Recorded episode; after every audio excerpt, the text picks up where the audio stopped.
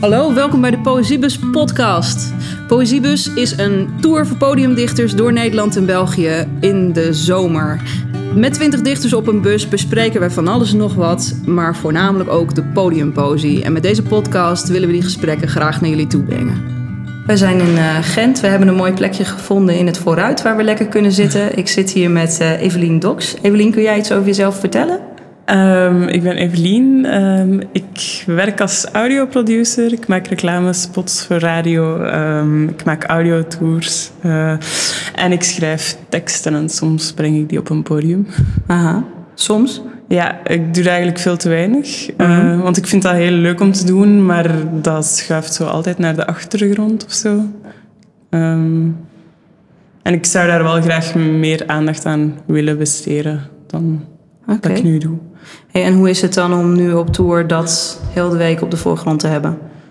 Ik vond dat heel aangenaam. Uh, dat was eigenlijk ook een beetje een van de redenen waarom dat ik meekwam. Omdat ik uh, merkte dat ik de laatste maanden veel minder schreef en er veel minder mee bezig was. En dat mm -hmm. dit dan zo'n beetje het excuus was om dat allemaal terug in gang te, in gang te trekken. Um, en het is de afgelopen week echt enorm inspirerend geweest voor mij. Um, ik heb op dit moment nog niet echt nieuwe dingen geschreven, maar ik voel dat er zo dingen zitten aan te komen en dat mijn hoofd er zo wel terug meer voor open staat. Aha. Terwijl dat ik daarvoor merkte, de afgelopen paar weken, maar ook omdat ik dan net mijn vakantie heb gehad en zo, maar dat mm. alles echt zo afgeblokt was. En dat ik nu wel merk van, ah ja, en uh, dat ik terug van op verschillen, vanuit verschillende hoeken inspiratie krijg om dingen over te schrijven. Uh, tijdens de tour?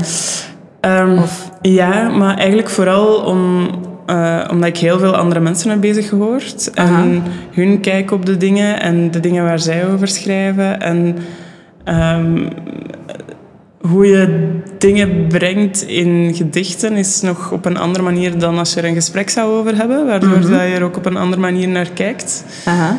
Um, en dat vond ik heel inspirerend. Ah. Uh, dus eigenlijk word je vooral nu geïnspireerd door je collega-dichters. Ja, ja. Ah. We zijn. Um, de omgeving waar we zitten, die versterkt dat ook wel heel erg. Uh, mm. We zijn in de afgelopen week ook op heel veel plekken geweest waar ik nog nooit was geweest. En mm. het waren ook echt heel uiteenlopende locaties, heel mooie locaties. En dat, ja, dat geeft wel een, een veilig gevoel of zo. Dat is wel tof. En, en, maar hoe, hoe werkt dat? Uh, hoe heeft die locatie invloed op hoe je op het podium staat en wat je hoe werkt dat, die interactie tussen locatie en performer, dichter? Um, het, uh, het helpt je gevoel ondersteunen of zo. Wat, dat ik, wat dat voor mij deze week heel erg opgevallen is, is dat ik het moeilijk vind om in de buitenlucht op te treden. Mm -hmm. um, het contrast tussen de optredens die we hadden in uh, Amsterdam en Groningen, die dan allebei buiten waren, ja. en de bijvoorbeeld Zwolle. En eigenlijk ook een beetje wat ik verwacht van vanavond. Wat dat dan kleinere, gezellige ruimtes zijn die mm -hmm. dicht... Uh, door het feit dat je onder een dak zit en dicht zit, heb mm -hmm. je meer contact met elkaar. Ik had het ja. gevoel dat de connectie tussen de dichters onderling een beetje verloren ging in de buitenlucht. Mm. Of dat dat moeilijker, moeilijker was om vast te houden. Uh, of dat, ja, het was, dat was, het was wel veel... Uh, ik vond dat vooral in Amsterdam. Ik vond dat iets minder in Groningen. Kijk, nu wordt het interessant. Wat was het uh, verschil? Om, ik denk dat dat komt omdat we in Groningen op het strand... Dat was één hoop. Iedereen zat rond elkaar. Het publiek zat ook rond ons. -hmm. En... Um, je bent meer één groep, terwijl dat het in uh, Amsterdam was het heel duidelijk de afstand. Wij, staan, uh, wij stonden, zaten allemaal op het vlot en dan had je enkele meters en dan pas je publiek, waardoor dat je zo heel erg wij-zij hebt. Ja. En dat was in Groningen niet het geval. En ik denk dat door het feit dat het publiek dichter zat in Groningen, dat wij ons onderling ook meer geconnecteerd voelden. Ja. Hey, en als ik dan een parallel mag trekken, Uh, want ik denk dat ik zo'n soort verschil ook zag in de setting in Zwolle en Eindhoven. In, in, tenminste, in Zwolle had je, hadden we een zoldering eigenlijk, wat een klein theatertje was. Waarbij je ook echt dat, die volledige halve cirkel kon, kon bestrijken, waardoor je die kring rond kon maken. En dat mhm. konden we in Eindhoven eigenlijk uh, vanwege de beperking in de ruimte niet. Hoe zie jij ehm, dat? Ik denk dat ik vooral een probleem had in Eindhoven uh, met de paal. er was zo een... Uh, wacht, hè. Als je op het podium stond aan de linkerkant, was er een mhm. paal die dat eigenlijk zo een deel van de groep buiten de groep zette. Ja. Um, en uh, wat dat een beetje de dynamiek doorbreekt, omdat je ook een deel van je publiek niet mee hebt in ja. je connectie. Ja. Um, maar desondanks vind ik wel dat we er wel in geslaagd zijn om nog... Uh, er nog wel beweging in te steken of zo. Of ik heb niet het gevoel gehad dat daardoor de flow heel hard gebroken was, ondanks het feit dat dat er stond of zo. Nee, maar je merkt wel dat, dat wanneer je dus zo uh, ruimtebewust eigenlijk bezig bent en tegelijkertijd die beweging probeert op te zoeken, dat zo'n paal ineens een ding wordt. Want daar wordt, uh, daar wordt gewoon maandelijks een poëziepodium georganiseerd. En ja. ik, ik, heb, ik heb het eerlijk gezegd niet gevraagd, maar ik denk dat zij een stuk minder last hebben van die paal. Want je kan op het moment dat je artiesten gewoon op de plek voor de artiesten staan, kan je die gewoon zo goed mogelijk neerzetten, waardoor de kijklijnen hetzelfde zijn. Terwijl wij echt die ruimte nu proberen te gebruiken. En dan heb je nou ja, dan heb je kort gezegd overal last van. Want er waren, eh, tenminste, dat, dat, was het voor mij gisteravond, er gebeuren een hele hoop dingen die normaal ook gebeuren wanneer zij daar dat poëziepodium hebben. Mensen lopen in en uit, halen een drankje. En dat was in de manier waarop wij werken ineens een ding. Ja. Ja, en ja, door het feit ook dat we met 20 zijn, of ja, met 19,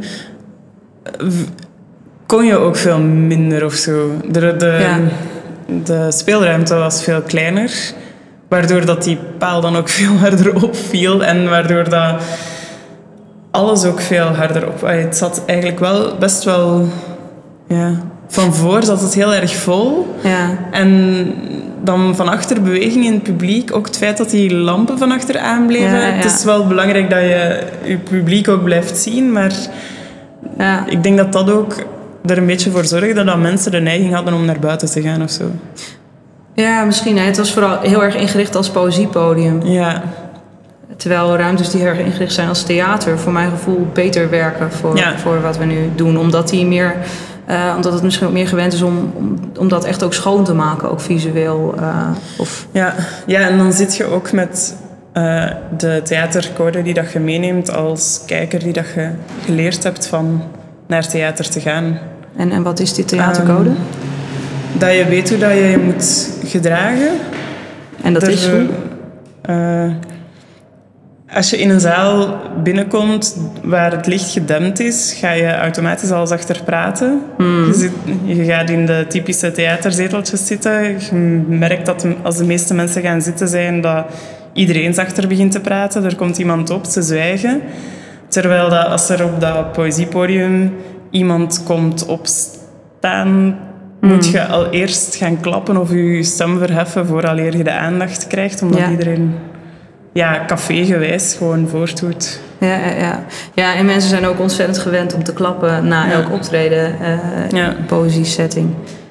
Dus, uh, ja, ja, en dat, vind hmm. ik, dat vind ik eigenlijk wel jammer. Uh, want ik vond jouw idee daarover wel heel interessant of goed. Of ik ben wel fan van het concept van niet klappen na elk ding. Ja. Um, om, zeker ook de eerste keren dat we dat deden, werkte dat heel goed voor de groep ook. En, mm en de flow in die voorstelling. Mm -hmm. um, maar ik vind dat iets fascinerend dat mensen wel altijd de neiging hebben of de drang voelen om toch te gaan klappen na elk kunstje dat gebeurd is, zo gezegd. Ja ja. ja, dat is een hele gekke. Want ik, ik, en ik ben ook als, aan het zoeken naar manieren om ze duidelijk te maken dat het niet hoeft. En dat het zelfs fijner is als ze het niet doen. En dan hoor je ook uit het publiek inderdaad, we mogen niet klappen van die mevrouw. En dan denk ik, nou ja, dat, dat heb ik op zich niet gezegd. Maar, Ja. Dus het is een beetje, mm, je wil ook niet dat ze helemaal hun mond houden. Maar je wil ook niet dat ze steeds tussendoor blijven klappen. Omdat je dan niet in die dynamiek van die theaterspanningsboog terechtkomt Ja, want eigenlijk. dat doet mij heel erg denken aan zo de, eh, de dansoptredens van vroeger. Of zo de, zo de hobbyoptredens van de ouders die gaan kijken naar hun dochters die aan het dansen Ja. zijn. Waar Ja, dat ja, ge- ja, ja. na elk dansje geapplaudisseerd wordt. Mhm. En of zo, dat is zo, ja, zo wat schoolfeest eh, flow. Ja, dus dat je, ja, dat- zo het feit dat ze zo na Bonte elk- avond. Ja, Ja, ja, en je komt kijken voor je eigen kind en je applaudisseert daar extra hard voor. En dan... ja, En eh, ergens heeft dat zo wel iets charmant en iets aandoenlijk. Maar ik, het hele krachtige aan deze week vind ik ook dat we er, vind ik persoonlijk wel in geslaagd zijn om met twintig quasi onbekenden op een podium één show te maken en die flow te voelen. En dat is jammer dat dat dan wel gebroken wordt door dat applaus. Langs de andere kant denk ik, eh, zonder beschuldigend te willen klinken, dat sommige acts dat ook wel uitlokken of zo.